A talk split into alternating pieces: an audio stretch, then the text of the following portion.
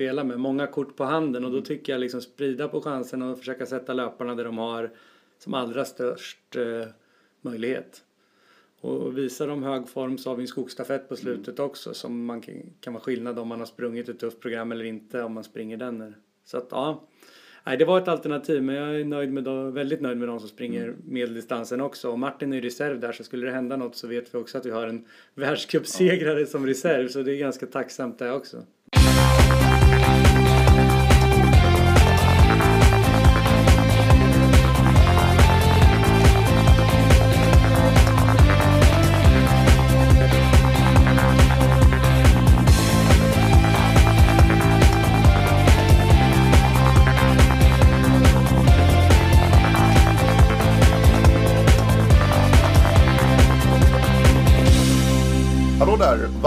Välkomna till ett eh, nytt avsnitt av Radio O-ringen Podcast.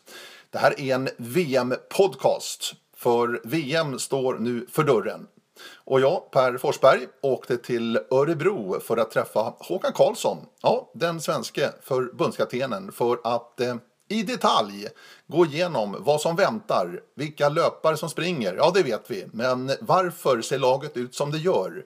Var kommer de att bo? Vad gör man vid sidan av VM? Ja, en hel del snack blir det om VM i orientering som nu för första gången avgörs i Estland förresten, i de sydöstra delarna där Tartu är huvudort för VM i orientering. Det är också det minsta landet någonsin faktiskt, sett till antalet invånare som står som värd för ett orienterings-VM. Så häng med nu så ska vi gå igenom VM i detalj. Ett VM som drar igång med sprintkval fredag den 30 juni och sprintfinalen lördag den 1 juli i Tartu. Sista tävlingsdagen, ja det är fredagen den 7 juli med stafetterna för övrigt. Så i den här podcasten eh, så möter ni alltså Håkan Karlsson och eh, kom ihåg nu, dra gärna ett mejl till radio med kommentarer, synpunkter och eventuella önskegäster framöver förresten. Men till att börja med så undrade jag och frågade Håkan Karlsson vilket VM i ordningen är det nu du gör som ledare? Det nionde tror jag som jag är med på som ledare och det sjunde som jag är huvudansvarig. Två första åren var jag assistera Marita Skogum. Det, nio, det första, vilket var det? Som när du var ass då till eh, Marita? I Ungern på Miss Golsch VM där. När Martin fick en pinne i benet. Mm. Ja, det hände en del där. Ja, det hände en del. du, vad har du tagit med Vilka lärdomar drar man som ledare liksom år från år? Vad är det viktigaste liksom? För man måste ju lära sig, även du som ledare. Absolut. Nej, men erfarenheten man samlar på sig av att vara med. Liksom, att allting är vant nu när man kommer till ett VM och man vet hur det fungerar. Det blir, man blir mer och mer trygg med det. Och sen eh, har vi haft samma grupp. Många, stommen i, i landslagsgruppen har varit ganska lika ändå sista åren. Så det har ju blivit en väldigt fin kultur och prestationsmiljö i landslaget som vi tillsammans har byggt. Som, som gör att vi är ganska trygga med vad, vad vi vill göra innan VM, både liksom socialt men också förberedelsemässigt och, och träningsmässigt. Så att det känns som vi har en bra, en bra plan som sitter, som är framgångsrik. Kan, kan du som ledare känna när du åker till ett VM att ja, det här, det här kommer att gå bra i år. Alltså. Har, kan du få en sådana känslor? För att jag menar, VM går ju upp och ner lite grann. Vissa VM är jättebra för Sverige, sen lite sämre något annat år. Mm. Men kan du ha en känsla när du åker till ett VM att det här känns bra i år. Ja, jag har faktiskt haft den känslan nu i år. Ja. Eh, jag, jag hade den inför VM i Frankrike 2011 också. Att vi hade gjort förberedelserna så extremt bra, verkligen haft tid med det. Och det tycker jag vi har haft i år också. Så jag har en väldigt god känsla av det som väntar. Sen är det en helt annan terrängtyp än vad det var i Frankrike eller vad det var förra året och kanske på pappret någonting som inte skulle vara helt perfekt för det svenska laget. Men jag tycker vi har gjort så bra förberedelser och de löpare som är uttagna är väldigt starka i den här terrängen. Så att eh, ja, det känns som att vi, i år är vi väl förberedda det känns någonstans. Mm. Eh, den här podden ska handla om VM i Estland väldigt, väldigt, vi ska gå ner på detaljnivå verkligen försöka Håkan här. Inför VM, det är liksom eh, bara några dagar bort nu inför starten och med sprinten i Tartu. Så här sa du när truppen presenterades då den 7 juni var det ju i Stockholm det här är den starkaste truppen jag någonsin förfogat över. Det är stora ord Håkan. Ja men det är det definitivt. För vi har ju haft väldigt starka lag många av de här åren. Men eh, just eh, bredden på toppen är väldigt hög nu. Vi såg det på världscupen i Finland. Det är ju resultat som vi aldrig haft tidigare törs jag påstå. Flera som har chansen. Sen har vi haft enskilda löpare som har varit så här bra och det är inte säkert att resultatet blir bättre än vad det varit tidigare men att vi har många möjligheter och många löpare som är med i absoluta världstoppen nu. Det är ju det är kul. Mm. Hur, eh, hur kämpigt, hur svårt, hur lätt var det att ta ut det här laget som vi nu ska gå in på alldeles strax? I år inför Estland?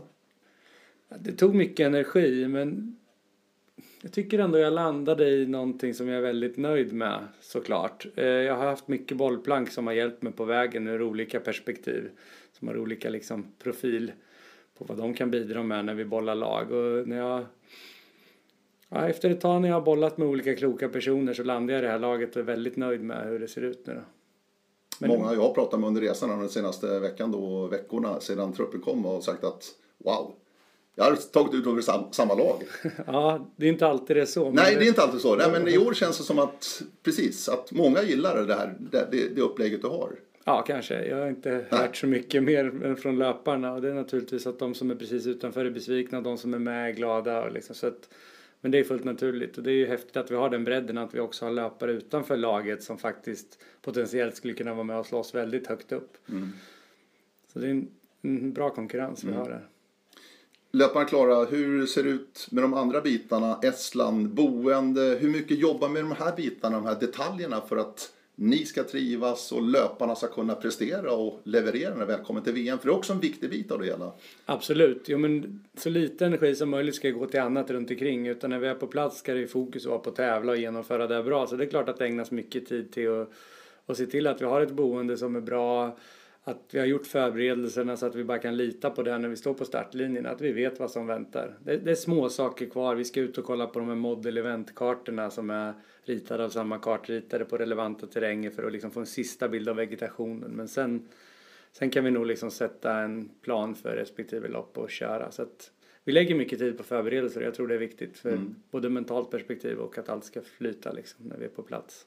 Är det också någonting du har lärt dig av erfarenheten då från tidigare VM och mästerskap? Det här med boende till exempel att mm. nej, det där var nog inte så bra, det här var bättre. Alltså sådana bitar. Jo, men tillsammans med löparna så, så växer det ju fram en kravspec på vad vi vill ha för typ av boende och vad som är viktigt. Och det är lite olika krav om man är på en träningsläger eller om man är på en mästerskapsvecka mm. där det är ganska mycket fritid som det är på ett VM. Det är tre som springer varje lopp och det är kanske ingen som springer alla distanser utan det blir ganska många vilodagar. Och den miljön vi är i med laget och liksom ska återhämta oss och, och finnas på när vi inte tävlar är viktig. Och, och, vi har kommit fram till att för svenska laget är det bra att ha ett boende där vi har mycket liksom ytor för social samvaro, att det finns en liten gräsmatta ute att hänga på, att vi har något något samlingsrum där vi kan sitta och spela spel och analysera det som väntar och ha det trevligt tillsammans. För att det, det är som sagt mycket tid och har man ett klassiskt standardhotell där man blir ja, lite instängd i hotellrummet och inte så mycket sådana ytor så,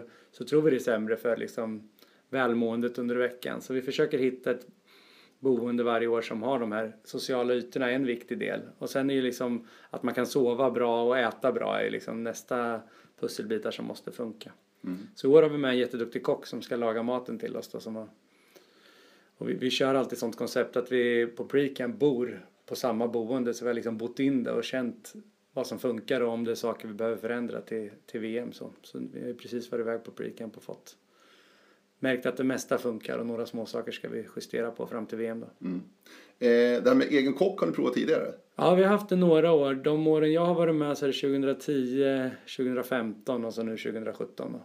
Och det, det är ju bra, vi får väldigt bra mat liksom. Mm. Du, hur pass detaljerat schema måste du och ni som ledare lägga upp för, för de aktiva? Säga? Måste ni servera dem allting vad gäller aktiviteter och sånt här? Eller är de självgående väldigt mycket under ett VM? Eller det är väldigt individuellt förstår jag. Ja, det är väldigt individuellt. Vi gör alltid ett stand, alltså en basprogram där allting, eh, där vi har liksom föreslagna träningstider, tävlingarna naturligtvis, men också allt runt omkring så att löparna vet när vi har de här lagledarmötena så de kan komma med frågor inför det, mm. vad som väntar.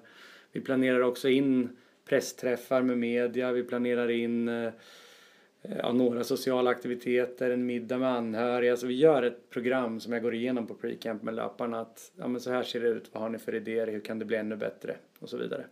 Så den är viktig tror jag, men sen väl på plats så, så dyker det alltid upp extra saker liksom på kvällssamlingen kvällen innan att ja, men imorgon tänkte vi åka och göra det här, vi som inte tävlar, mm. några som vill haka på. Så, så, det är ganska självspelande men det finns ändå en bra grundstruktur runt det tror jag. Mm. Och ni kommer bo i Estland då under VM, var? Vi kommer bo eh, mitt i skogen mellan Tartu och Pölva på den kartan, precis ute på träningskartan där VM-testerna för medeldistansen gick. Så vi bor på den. Så det är också en, ett plus med det boendet vi har i år, att vi kan ut och träna direkt från boendet, vilket är skönt. Och fantastisk natur att jogga i liksom så på morgnarna när man vill ut och göra det. Och förbereda sig för medel och stafett som är sista loppet så passar det ganska bra att bo på en karta som är relevant för det. Då. Så mm. kan man förbereda sig enkelt under veckan om man vill göra några extra pass. Men där ute i skogen bor ni svenskarna då? Ja, vi har hyrt ett hus mm. som vi har hela huset då så att löparna bor antingen en och en eller två och två. Och sen en liten ledarstuga på gården. Och så har vi matsal. Så den är perfekt anpassad för våra behov då. Men det sociala, då blir ni väldigt isolerade där. Ja, kan jag tycka någonstans. Så, så vi blir sociala med varandra. Ja, exakt. Jo, precis. så är det. Och sen så kan det finnas utrymme för att åka och hälsa på vänner och bekanta såklart de mm. dagarna man inte tävlar. Mm. Eh, tävlingarna är ju ganska utspridda rent mm. geografiskt. Estland ja. är inget jättestort land men ändå det är lite transporter under, under VM-veckan rent logistiskt. Ja, framförallt i sprintstafetten har vi långt från där vi bor. Nu har vi en halvtimme ungefär till Tartu där sprintarna går. Vi har en halvtimme till eh, 11 där medel och stafett går och 45 minuter ner till långdistansen. Men sen tror jag vi har över timmen bort till Viljandi, kan det heta så? Viljandi. Viljandi där sprintstafetten går. Så den resan blir men den är en dag bara och vi ska bort och inget model-event eller något annat så det blir en resa som är lite längre. Men jag tycker vi har strategiskt bott mitt emellan alla de här områdena i varje fall. Så. Mm. Du, vi ska gå in på lite detaljer. Terrängen kommer vi till också här. Men mm. jag tänkte vi, vi, vi, tar det lite i tidsordning och börjar med sprinten då i Tartu. Mm. Där ju Sverige på herrsidan har fyra platser. Det är ju lyx i år Håkan. Du har tre distanser där du har fyra löpare. I Tove vann ju två guld. Mm. Och Jerker vann ju sprinten då i Strömstad. Att de har ju en friplats. Absolut. Som är individuell då. Mm. Ja, eh, men svenska laget alltså Jerker Lysell. Jonas Leandersson, Emil Svensk och Martin Regman på här sidan. Tove då, Alexandersson alltså, Caroline Olsson och Lina Strand. Det är det svenska sprintlaget. Mm. Och Sverige har ju varit eh, ja, en, en stormakt på sprint måste vi ändå säga faktiskt. Och är fortfarande stormakt. Mm. Vad känner du? Liksom, sprinten brukar också inleda VM-veckan. Brukar vara en bra start för Sverige. Brukar vara säger jag. Ja, Jo men det är det ju. Vi har ju varit duktiga där och kommer ju fortsätta vara det. Vi har ju ett riktigt starkt lag tycker jag. Och i år har vi ju, tycker jag, ett starkare lag. Ja men som Caroline och Lina har ju definitivt höjt sig en nivå. Från att ha varit bra till att vara jättebra på sprint. Vilket är häftigt. Så nu har vi både ett starkt herr och ett starkt damlag. Liksom komplett lag. Och det är, kan vi få en bra start på veckan är det jättekul och vi har ju alla förutsättningar att vara med och slåss om det. Sen är det ju det är jättetuff konkurrens naturligtvis. Men vi har ju sju löpare som kan vara med och slåss högt upp. Det är, det är kul. Det var ingen snack om att det var de här sju som skulle springa. Ja, Jerker var given då, men de övriga då att det var de som skulle ta de här sprintplatserna. Jag tänkte på Martin Regborn mm. som har imponerat verkligen. Han mm. vann ju VM-testet på medel. Mm. Spring inte medel under VM, men bara en sån sak liksom. Va? Hur, hur givet var det här? I din uttagning? Inte givet, alltså det har bollats fram och tillbaks. På herrsidan så är ju Gustav Bergman den som har varit eh, hack i häl på de här andra fyra har varit nästan lika bra. Men där gjorde vi bedömningen att eh, han springer i skogen men inte sprint och så är han med som sprintreserv då för att han har också en väldigt hög mm. kapacitet med sin till exempel silverpeng på EM förra året så det är inga dåliga reserver där. På damsidan så är Helena Jansson definitivt ett alternativ som också har höjt sig jättemycket på sprint. Men där har vi valt att titta över hennes belastning på hela veckan och tänker att fyra lopp är eh, nog för att mm. få ut verkligen maximal prestation. Återigen att det ska bli riktigt, riktigt bra istället för bara bra. Så tror vi på fyra lopp och också en liten fördel att hon dagen efter sprinten kan vara lite mer utvilad än konkurrenterna på en sista sträcka på sprintstafetten. Så att eh, hon, hon var absolut aktuell också. Men, men utöver det så de här namnen känns ju som de är liksom världstoppen verkligen. Så att, Men backa till Martin Rehborn. ja, Eh, det är svårt att springa allt på här sidan, det förstår jag. Schweizarna gör det. Hopman och Kiburz, Daniel och Mattias. Mm. De springer alla individuella lopp. Men det brukar de göra. ja, Så de är vana med det. Sprint, lång och medel. Mm. Martin hade också kunnat gjort det egentligen. Alltså, sett till hans vårsäsong där han varit ja, suverän. ja, det skulle kunna varit ett alternativ. Och ett alternativ som jag hade i huvudet ganska länge att Martin skulle få gå alla individuella distanser. Men jag tycker vi har ett lite bred, som jag var inne på tidigare, ett lite bredare lag än vad Schweiz har. Där de har tydliga världsstjärnor som är bra, eller ja, på pappret kanske bättre än våra löpare. Men sen så är det ett hopp ner. Jag har ju så många löpare att spela med, många kort på handen och då tycker jag liksom sprida på chanserna och försöka sätta löparna där de har som allra störst eh, möjlighet. Och visar de hög form så har vi en skogsstafett på slutet också som man kan, kan vara skillnad om man har sprungit ett tufft program eller inte om man springer den. Så att ja, Nej, det var ett alternativ men jag är nöjd med de, väldigt nöjd med de som springer medeldistansen också. Och Martin är ju reserv där så skulle det hända något så vet vi också att vi har en världscupsegrare som reserv så det är ganska tacksamt det också. Verkligen. Vad väntar? Vad vet ni? Eh, vi vet att sprinten är i Tartu. Mm. Vet ni var arenan är och sådana här bitar? Hur mycket jobbar ni med det nu? Ja, vi jobbar ju en del. Sen har de varit, jag tycker, duktiga arrangörerna med att hemlighålla vad som väntar. Det känns som väldigt proffsigt arrangemang överhuvudtaget här VM i Estland så att det är kul. Så vi vet vilket område det kan röra sig om. Och det är ett ganska stort område och vi vet vart arenan är och som vi tror enligt den senaste bulletinen så vet vi ju att det är arena både för kval och final så man måste in dit två gånger om ingenting ändras. Och då är det två ganska tydliga partier. Ett parti som är platt stad, klassisk, klassisk stadsmiljö och sen är det en kulle med ett universitetsområde med lite mer park och ganska kuperad sluttning upp på ett område. Ett område där för övrigt EM-sprinten gick 2006 tror jag det var. Så där har vi sett banor och så. Och sen har vi ett ganska bra kartunderlag där på sprinten så vi har ju alla möjligheter att förbereda oss genom att titta på den kartan, titta på Google Street View och ja, hitta potentiella ställen där de kan öppna upp innergårdar och så vidare för att göra det ännu mer lurigt än bara de här raka gatorna.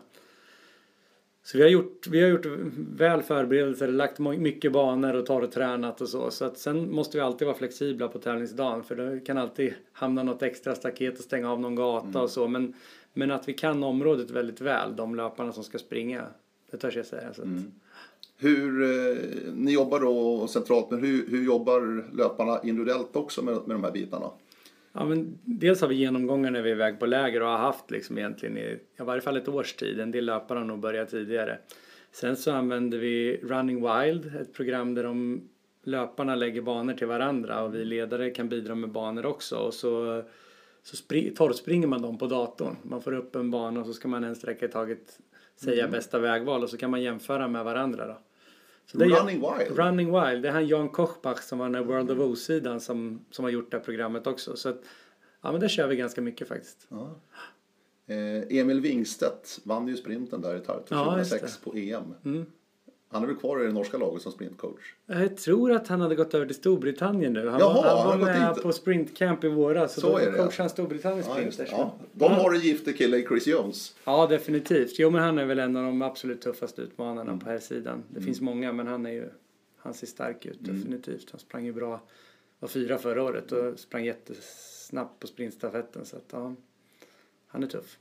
Innan vi lämnar sprinten, Tove Alexandersson springer sprint igen. Mm. Hon har ju, ja, I fjol var det väldigt tydligt. Då fokuserar hon ju 100% på skogen med ett enormt lyckat resultat också. Mm. Ja. Men i år springer hon sprint. Mm. Vad ligger bakom det beslutet? Ja, men att de valde som de gjorde förra året var ju för liksom verkligen förbereda sig på den specifika terrängen som var och att det var lagom liksom att få chansen att verkligen göra det bra på några distanser. Tidigare har hon varit uttagen på sprint också. Hon är en fantastiskt duktig sprinter. Tror hon aldrig har varit utanför pallen när hon har ställt upp på en, en internationell sprint. Jag kan ha fel där men Ja. jag, jag tycker alltid hon är med topp tre. Så att, att hon är en av våra bästa sprinter, en av världens bästa sprinter, det är ju det som är anledningen att hon springer där. Och hon klarar av den belastningen som är. Hon har haft en bra träningsvinter och hon klarar av att springa de tre loppen. Definitivt. Eh, Bulletin 4, som är eran bibel då under VM-verk. Den har inte kommit än när vi sitter och spelar in det här. Nej, Eh, den kommer väl i början på nästa vecka kan jag tänka mig. jag hoppas det. Ja. Så fort det går så vi kan börja se. För att då får ni de sista, all, detaljinformation egentligen. Där har ni allting i den va? Jo, men den, den kommer påverka de sista förberedelserna definitivt. När man kan se exakta detaljer och lite mer information om vad som väntar. Eh, tänkte vi spara stafetterna till slut. Så att vi fortsätter med individuella. Och eh, det här är alltså på... Eh, här i Estland förresten så är ju kvalet på fredagen och finalen går dagen efter lördag. Vad Gillar löparna det upplägget eller är det lite individuellt där också? Det är nog lite individuellt från löpare till löpare. Vissa tycker att det är bättre med en dag och vissa tycker det är bättre så här. Så att det ja, är inget generellt. Personligen kan jag tycka att det är ganska skönt att det är två olika dagar. Då hinner vi verkligen landa efter kvalet och göra förberedelser för finalen i lugn och ro och så.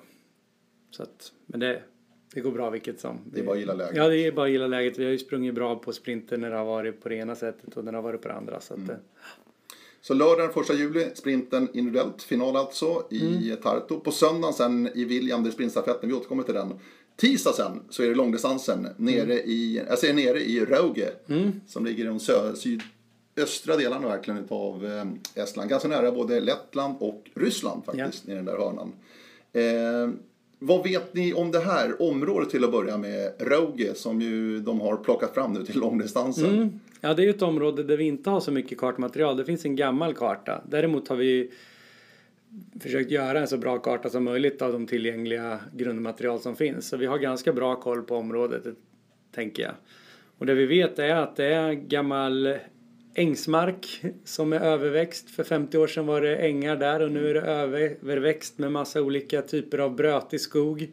Lite sankt ibland och mossar. Så det är ett ganska stort parti med, med böljande skog som är ganska svårforcerad. Med lite gula ängar emellan och lite sankmarker och så. Och sen när man kommer in mot arenan är det lite mer, ännu mer öppna ytor och sen en ganska stor ravin som går genom området som man måste ta sig över på något sätt för att komma in till arenan. Så, så två distinkta delar kan man säga. Ett bökigt skitskogsområde, ganska stort och sen en ravin. Så det är det vi vet. Och, um, ja, det är ju liksom först när vi kom till Estland så var det ju någonting som folk tyckte, ja men det här skiten, ska vi springa i det? Men vi har, tycker jag, vant oss mer och mer så det känns som att vi behärskar och vet hur vi ska orientera bra i den här typen av terräng. Då. Så det har varit nästan lite extra viktigt att vara i Estland ett antal gånger för att lära sig och liksom hantera den här typen av terräng. Ja, det har det ju. Sen är det ju svårt att pricka exakt vegetation för när vi har behövt vara där har det ju varit VM på ett annat ställe året innan då. Men eh, vi har ju förstått och vi har sett skillnader nu mellan vi var där nu på VM-tester tills vi kom dit på pre-camp att det händer massor med vegetationen och blir verkligen grönt och tätt. Så att, ja, men nu, vi får ju en, en chans till nu. Dagarna innan kommer ju de långlöparna ut i terrängen igen och titta på det som väntar på de här model events. Så, ja, det kommer bli en rejäl tuff utmaning där jag tror det gäller att kämpa verkligen hela vägen. Det kommer bli tufft för de flesta. Ja, jag, tror, jag tror att pannben är väldigt bra också. Inte liksom lacka ur utan verkligen fortsätta kämpa. Nej, jag tror det blir, det blir nyckeln liksom. Och där har vi ju riktiga pannbenslöpare som står på start där så att det kommer bli kanon. Vad, vad tror ni om, eh, kommer det bli mycket upptrampat tror ni? I och med att det är en sån typ av Ja. vegetation liksom. Jo, men det tror jag definitivt. Så att, och det är ju det är en klar fördel att ha en världsranking som är okej. Sen tror jag inte man behöver starta i sista startgrupp, men någon av de två, tre sista startgrupperna där kommer vi ju hitta de som är i toppen definitivt. Det, det, ska, det är en bragdprestation om man startar någon av de två första startgrupperna och kommer högt upp, det tror jag. Men som tur är så är ju våra svenska löpare så bra att de startar mot slutet. Så att, Du pratar om en ravin, men kuperingsmässigt annars då? Est- Estland känns ju ganska platt liksom, Ja, när jo. man ser så. Eh, eh, Hur är det här området tror ni? Ja, men det är inte så jättekuperat förutom ravinen utan det är mer böljande och platt. Små, små runda höjder liksom som kan ställa till det tekniskt för att de är väldigt runda och det är inte så mycket svartbild, inga stenar och branter så det är lätt att komma ur riktning för det är liksom diffust och ser likadant ut överallt och ganska tätt då, så det är lätt att glida ur riktning i den här terrängen. Och sen ravinen är ju, tar man den ett par gånger så har man ändå fått lite kupering men i övrigt så tror jag det är ganska platt där. Eh, laget då på Lången är ju att Tove Alexandersson har ju en friplats Mm. efter det fenomenala guldet i fjol då ute i eh, Strömstad East. Eh, Helena Jansson, Emma Johansson och Caroline Olsson då som mm. klev in häromdagen istället för Lina Strand. Mm. Eh, och herrlaget är alltså William Lind, Martin Regborn och Johan Runesson som kliver in i handlingarna här också precis då som William. Funderingar kring det här när du tog ut de här löparna till Lången? vi börjar med Lina Strand förresten. Hon tackade nej till sin långplats som fick från början. Ja, vi har haft en dialog och hon hade ju ett tufft program med alla individuella distanser mm. plus att hon hade ambitioner att springa stafetterna också. Mm. Och det hade varit tufft att springa alla fem distanser. Och just för att få ut maximalt på ja, loppen efter lång, medel och en potentiell stafett så gjorde vi den här bedömningen till slut då att ja, men det här får bli det bästa. Så jag tror det är jätteklokt. Mm. Man är olika och hellre riktigt bra än mellanmjölk på alla distanser. Så att, och, och, I och med att vi hade så bra reserv i Caroline så blev det också ett, ja, ett val vi landade för. Då. Emma Johansson är ju jättespännande. Mm. Brukar alltid leverera när det blir stora tävlingar. Det har en förmåga. Hon har varit väldigt, väldigt osynlig under våren får man lov att säga. I alla fall här hemma i Sverige. Rätt ja, osynlig. Hon, hon vann ju våra VM-tester. Ja, jag tänkte komma till det. Men där dök hon upp och så vann hon både, både och liksom. Ja. Vad känner du inför, med Emma då inför VM här? Precis som du, att hon brukar leverera när det är mästerskap och det är ju häftigt att ha en sån löpare med så hög potential. Man har olika upplägg och en del gillar att tävla mycket och kan vara i relativt bra form hela året och vissa andra behöver ha ett upplägg där de ja, men periodiserar mer och är nedtränade och sen verkligen kommer i form när det gäller. Så att eh, Emma har ju en bra plan tillsammans med sin tränare för att vara i jättebra form på VM i Estland. Så att hon, hon kommer absolut vara med högt upp. Mm. Vad säger hon om den här terrängen där borta då? Har, har hon pannben? Kanske är som Värmland. jag, vet Nej, jag, jag, tror alla löpare egentligen har lärt sig gilla det som väntar. Så det är bara att köra liksom. Mm. Så det kommer hon göra kanon. Precis som de andra. Tove är regerande mästarinna. Mm. Är det någonting som tynger henne tror du?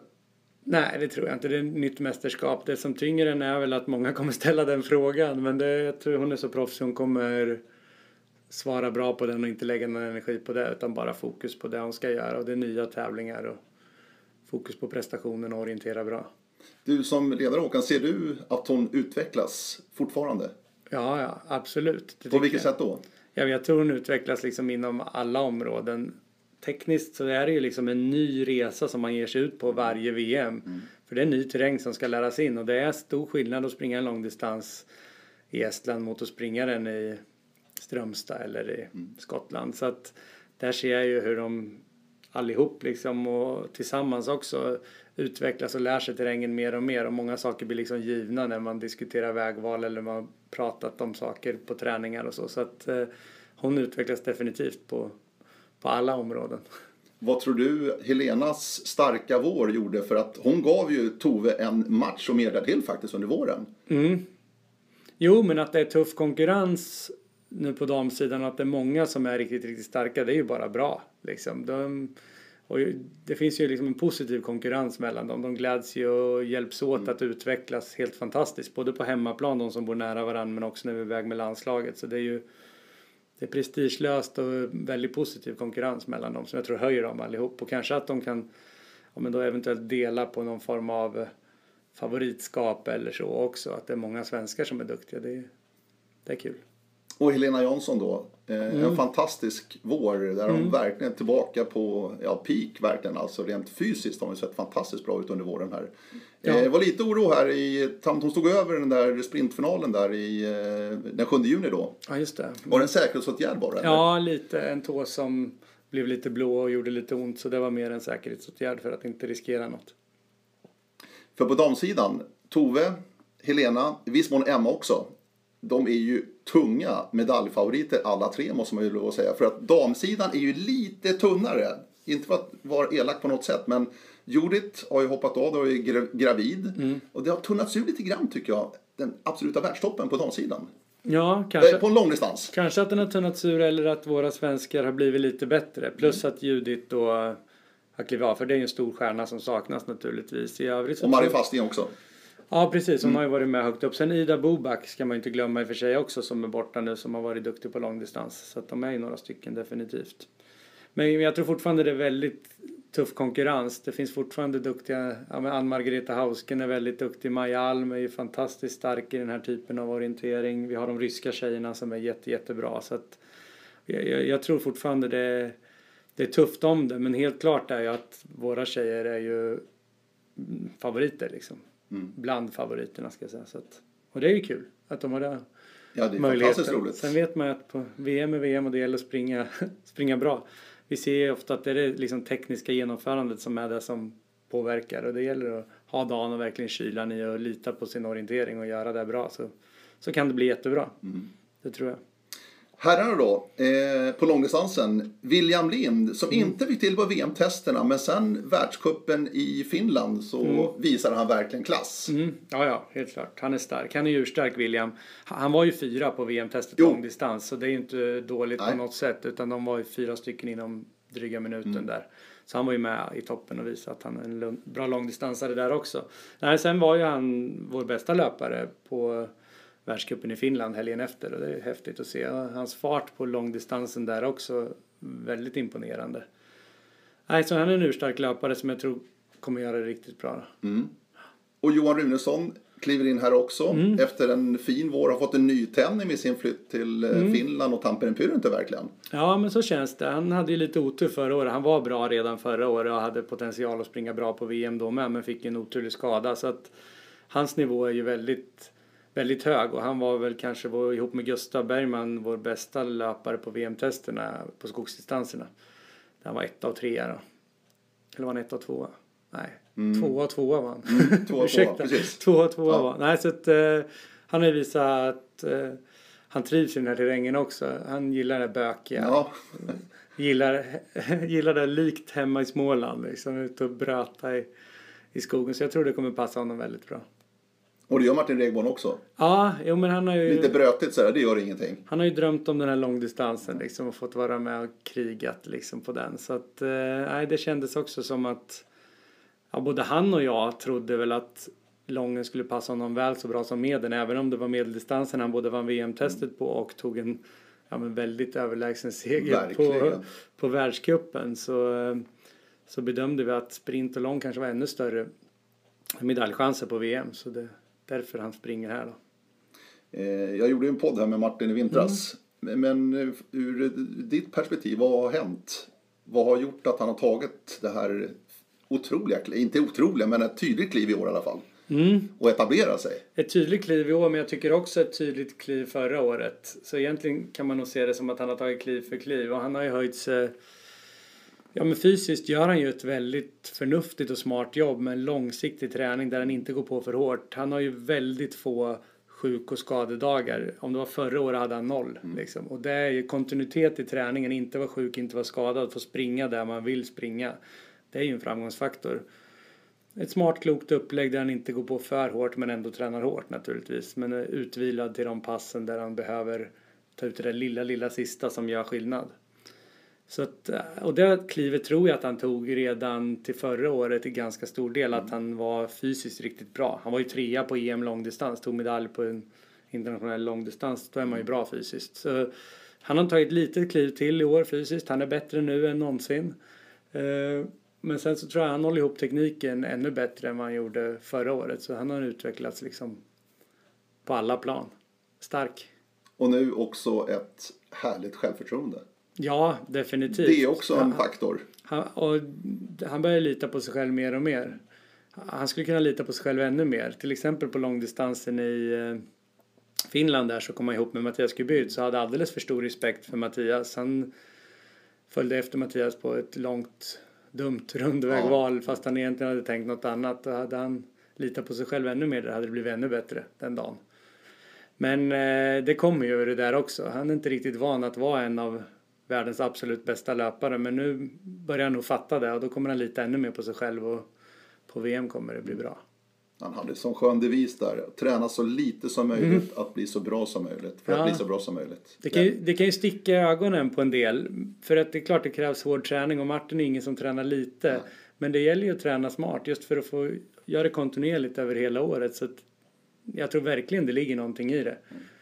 Att hålla sig hel och skadefri och få nyckelpassen att verkligen bli bra. Liksom. Mm. Ja, ett väldigt spännande långdistans där. Och herrsidan då, hur ser konkurrenssituationen ut där? Vi pratade om damsidan tidigare, men herrsidan Håkan? Ja, den är tuff skulle jag säga. Eh, ja, både på sprint som jag talat om och på, På på långdistans. Ja, men de schweizarna du nämner där, Mattias Kyburz och Daniel Hubman är ju extremt duktiga långdistansare. Sen tror jag ju norrmännen är ju väldigt, väldigt bra. Mm. Egentligen alla tre som springer där, Eskil Kinneberg, Olav Lundanäs och Magne Dählie är ju extremt duktiga långdistans. Eller de har en till, kanske en fjärde. Har de det? Vann Nej. Olav förra året? Ja, Ola vann förra året. Så Ja. de har ju en till. Ja. Men eh, jag Ja. tror inte någon till som kan vara med och Nej, fightas. nej, men de tre tänker jag på i varje fall kan vara med extremt högt upp. Och sen finns det andra löpare också som tror kan vara med. Men jag skulle vilja säga att det brukar ju vara på långdistans på VM, Shushu, Lundanäs och Hubman. Och sen så har ju Kubyrts höjt sig en nivå. Magne Dählie har tagit internationella medaljer också och Eskil verkar i kanonform. Så jag glömmer säkert någon här men de är ju, där har vi väldigt tuffa konkurrenter. Jag tror, jag vet inte, det går rykten om att Thierry inte ska springa Han långdistans. springa. Nej. Nej. Så då är ju inte han någon konkurrent där. Utan då blir han Det är fokusmedel medel. för honom. Ja, Ja. ja. Nej, så att eh, det är stentuff konkurrens. Men helt klart är ju att vi har tre herrar som är, kan vara med. En dag när allting stämmer så kan de vara med och slåss om medaljerna. Och det vore ju häftigt att ta första VM-medaljen sedan Vagnis tog sin 2004 på långdistans för herrar. Mm. Potentialen finns och det gäller återigen genomförandet så kommer det så har vi chansen i varje fall att vara med och slåss om det. Jag ska kasta in ett namn till. Mm. Timo Sild Ja, just det. från Estland. Ja, från Vörut. Från Vöru. 10 kilometer från Så inte så arenan. långt ifrån Rauge. Nej. Nej. Nej, men Timo är bra slagen. Han har verkligen... Ja, definitivt. Alltså, han vann två VM-guld på militär-VM. Säger inte allt, men han sprang väldigt bra på Jokol också. Mm.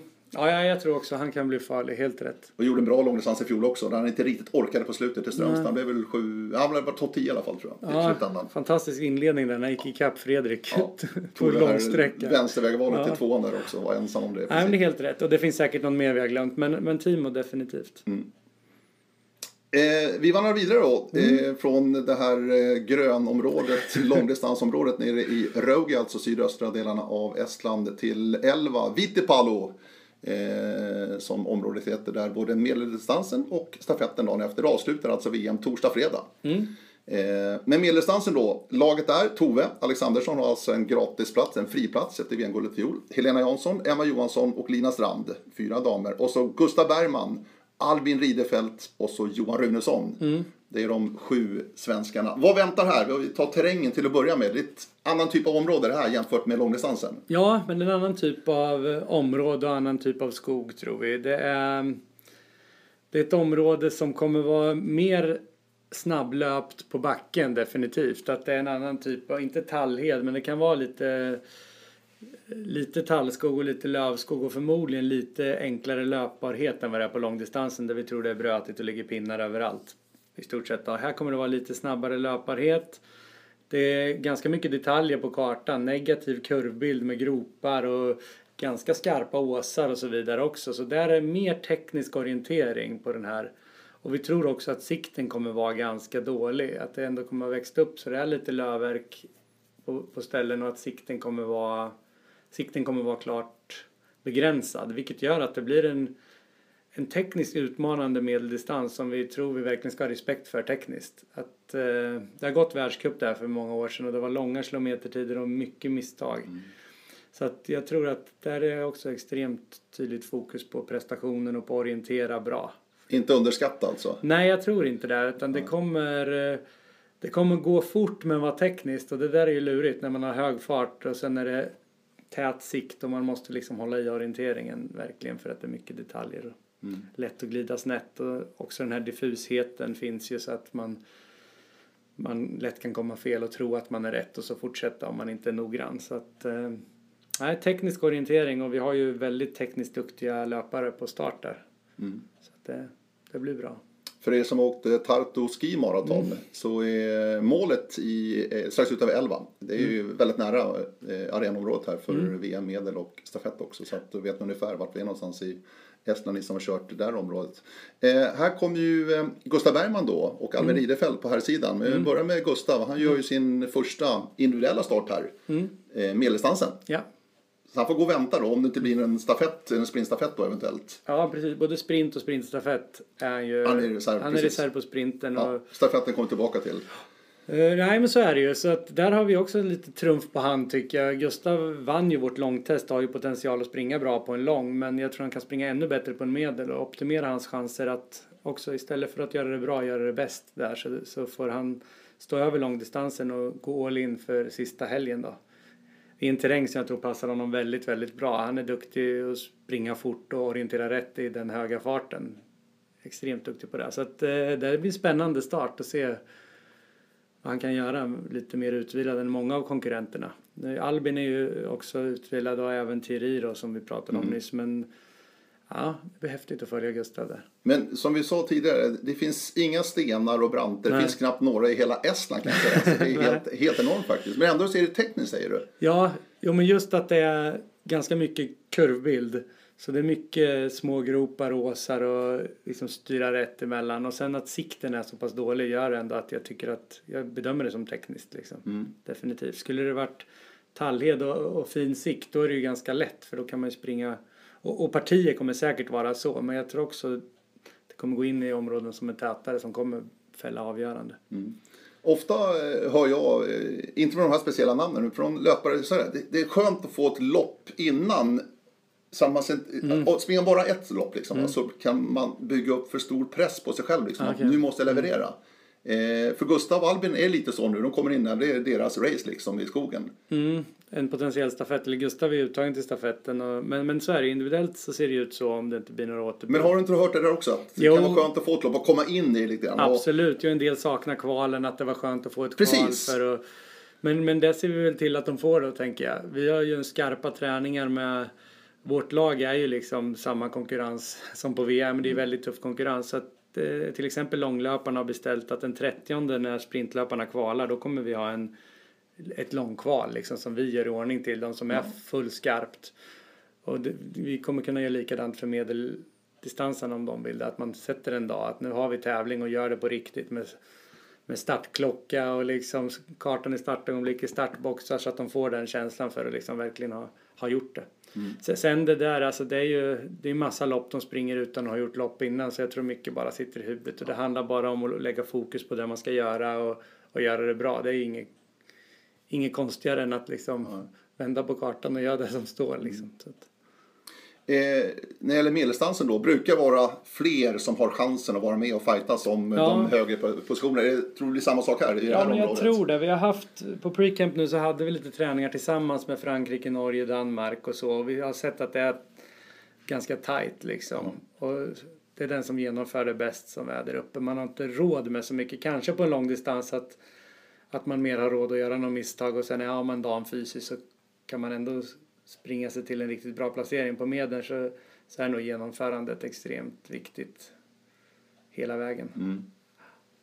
Det var de individuella distanserna. Jag tänkte innan vi kommer till stafetten ska vi bara ta och eh, reminda. I fjol i eh, Sverige då så blev det ju eh, tre guld och två brons. Ja. Fem medaljer.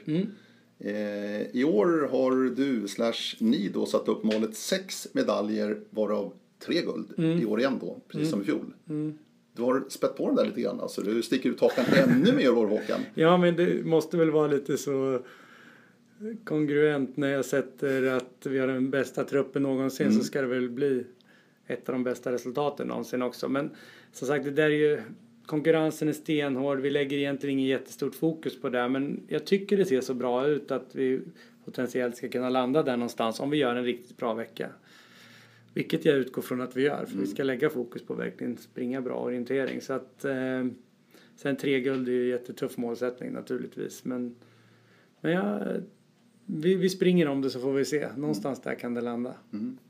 Eh, vi tar stafetterna för att där är ju inga lag uttagna. Däremot finns det ju två löpare som är förhandsuttagna. I sprintstafetten så är det klart att Helena Jansson ska ha en sträcka.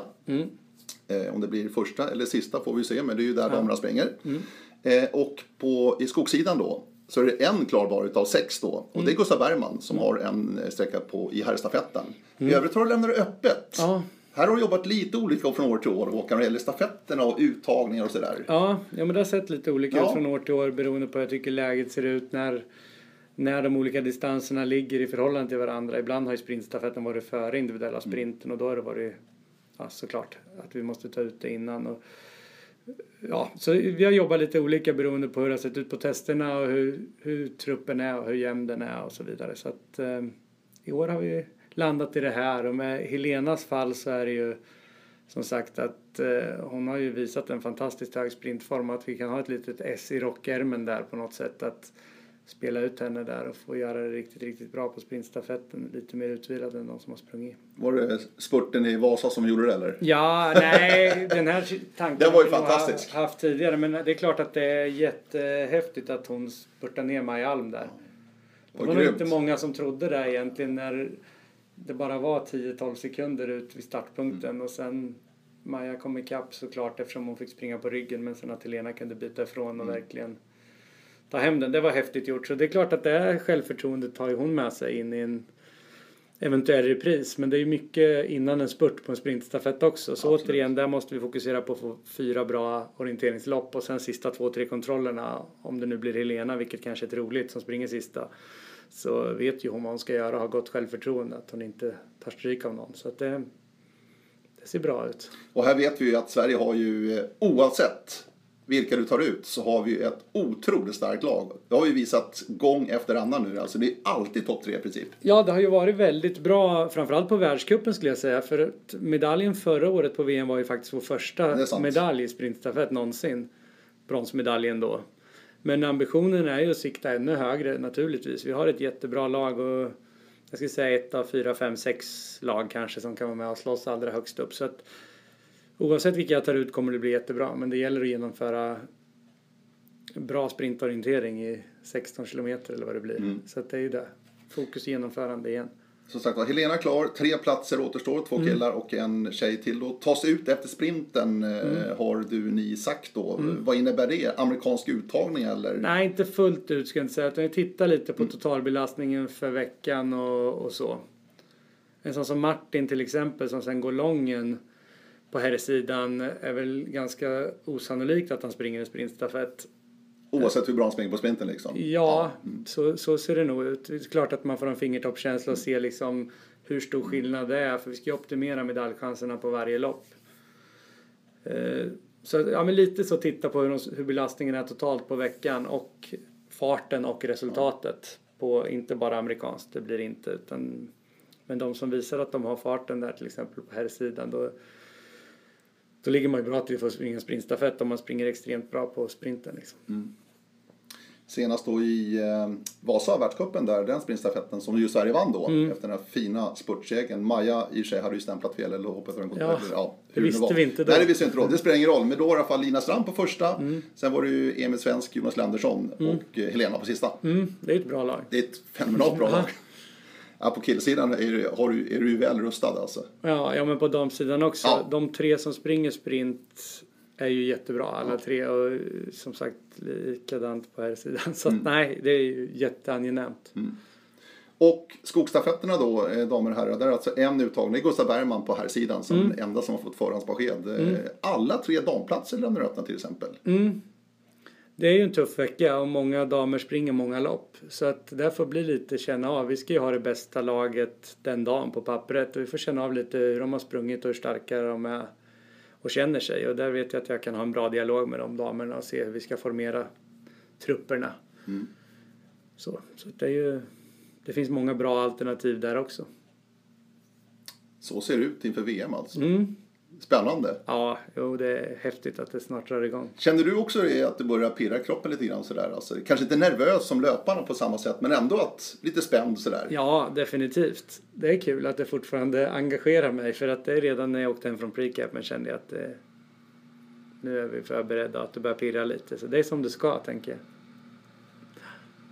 Sex medaljer alltså, tre guld och ja, minst tre, eller tre guld utav de sex medaljerna är alltså målsättningen. Du eh, Håkan, det är bara att önska lycka till.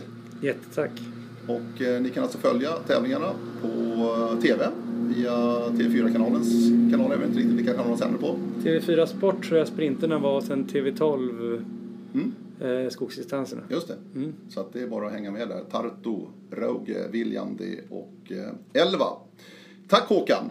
Tack och än en själv. gång, lycka till. Och som sagt, ta mig får ni kontakt via radio, o-ringen.se. Vi återkommer med fler poddar här under sommaren. Var så säkra. Hej då!